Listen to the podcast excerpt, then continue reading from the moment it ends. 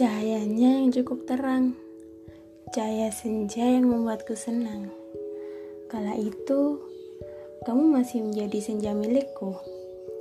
Tapi saat malam mulai menyapa, kamu malah pamit untuk pulang. Harusnya kamu berjanji untuk kembali lagi. Itu kenapa saat itu aku sangat membenci malam. Malam sudah mengambil kamu senja. Tapi aku bersyukur sih. Aku juga mau berterima kasih kepada kamu. Dengan kepergianmu kali ini, aku sadar bahwa cahaya bulan dan bintang tak kalah indahnya dengan cahayamu senja.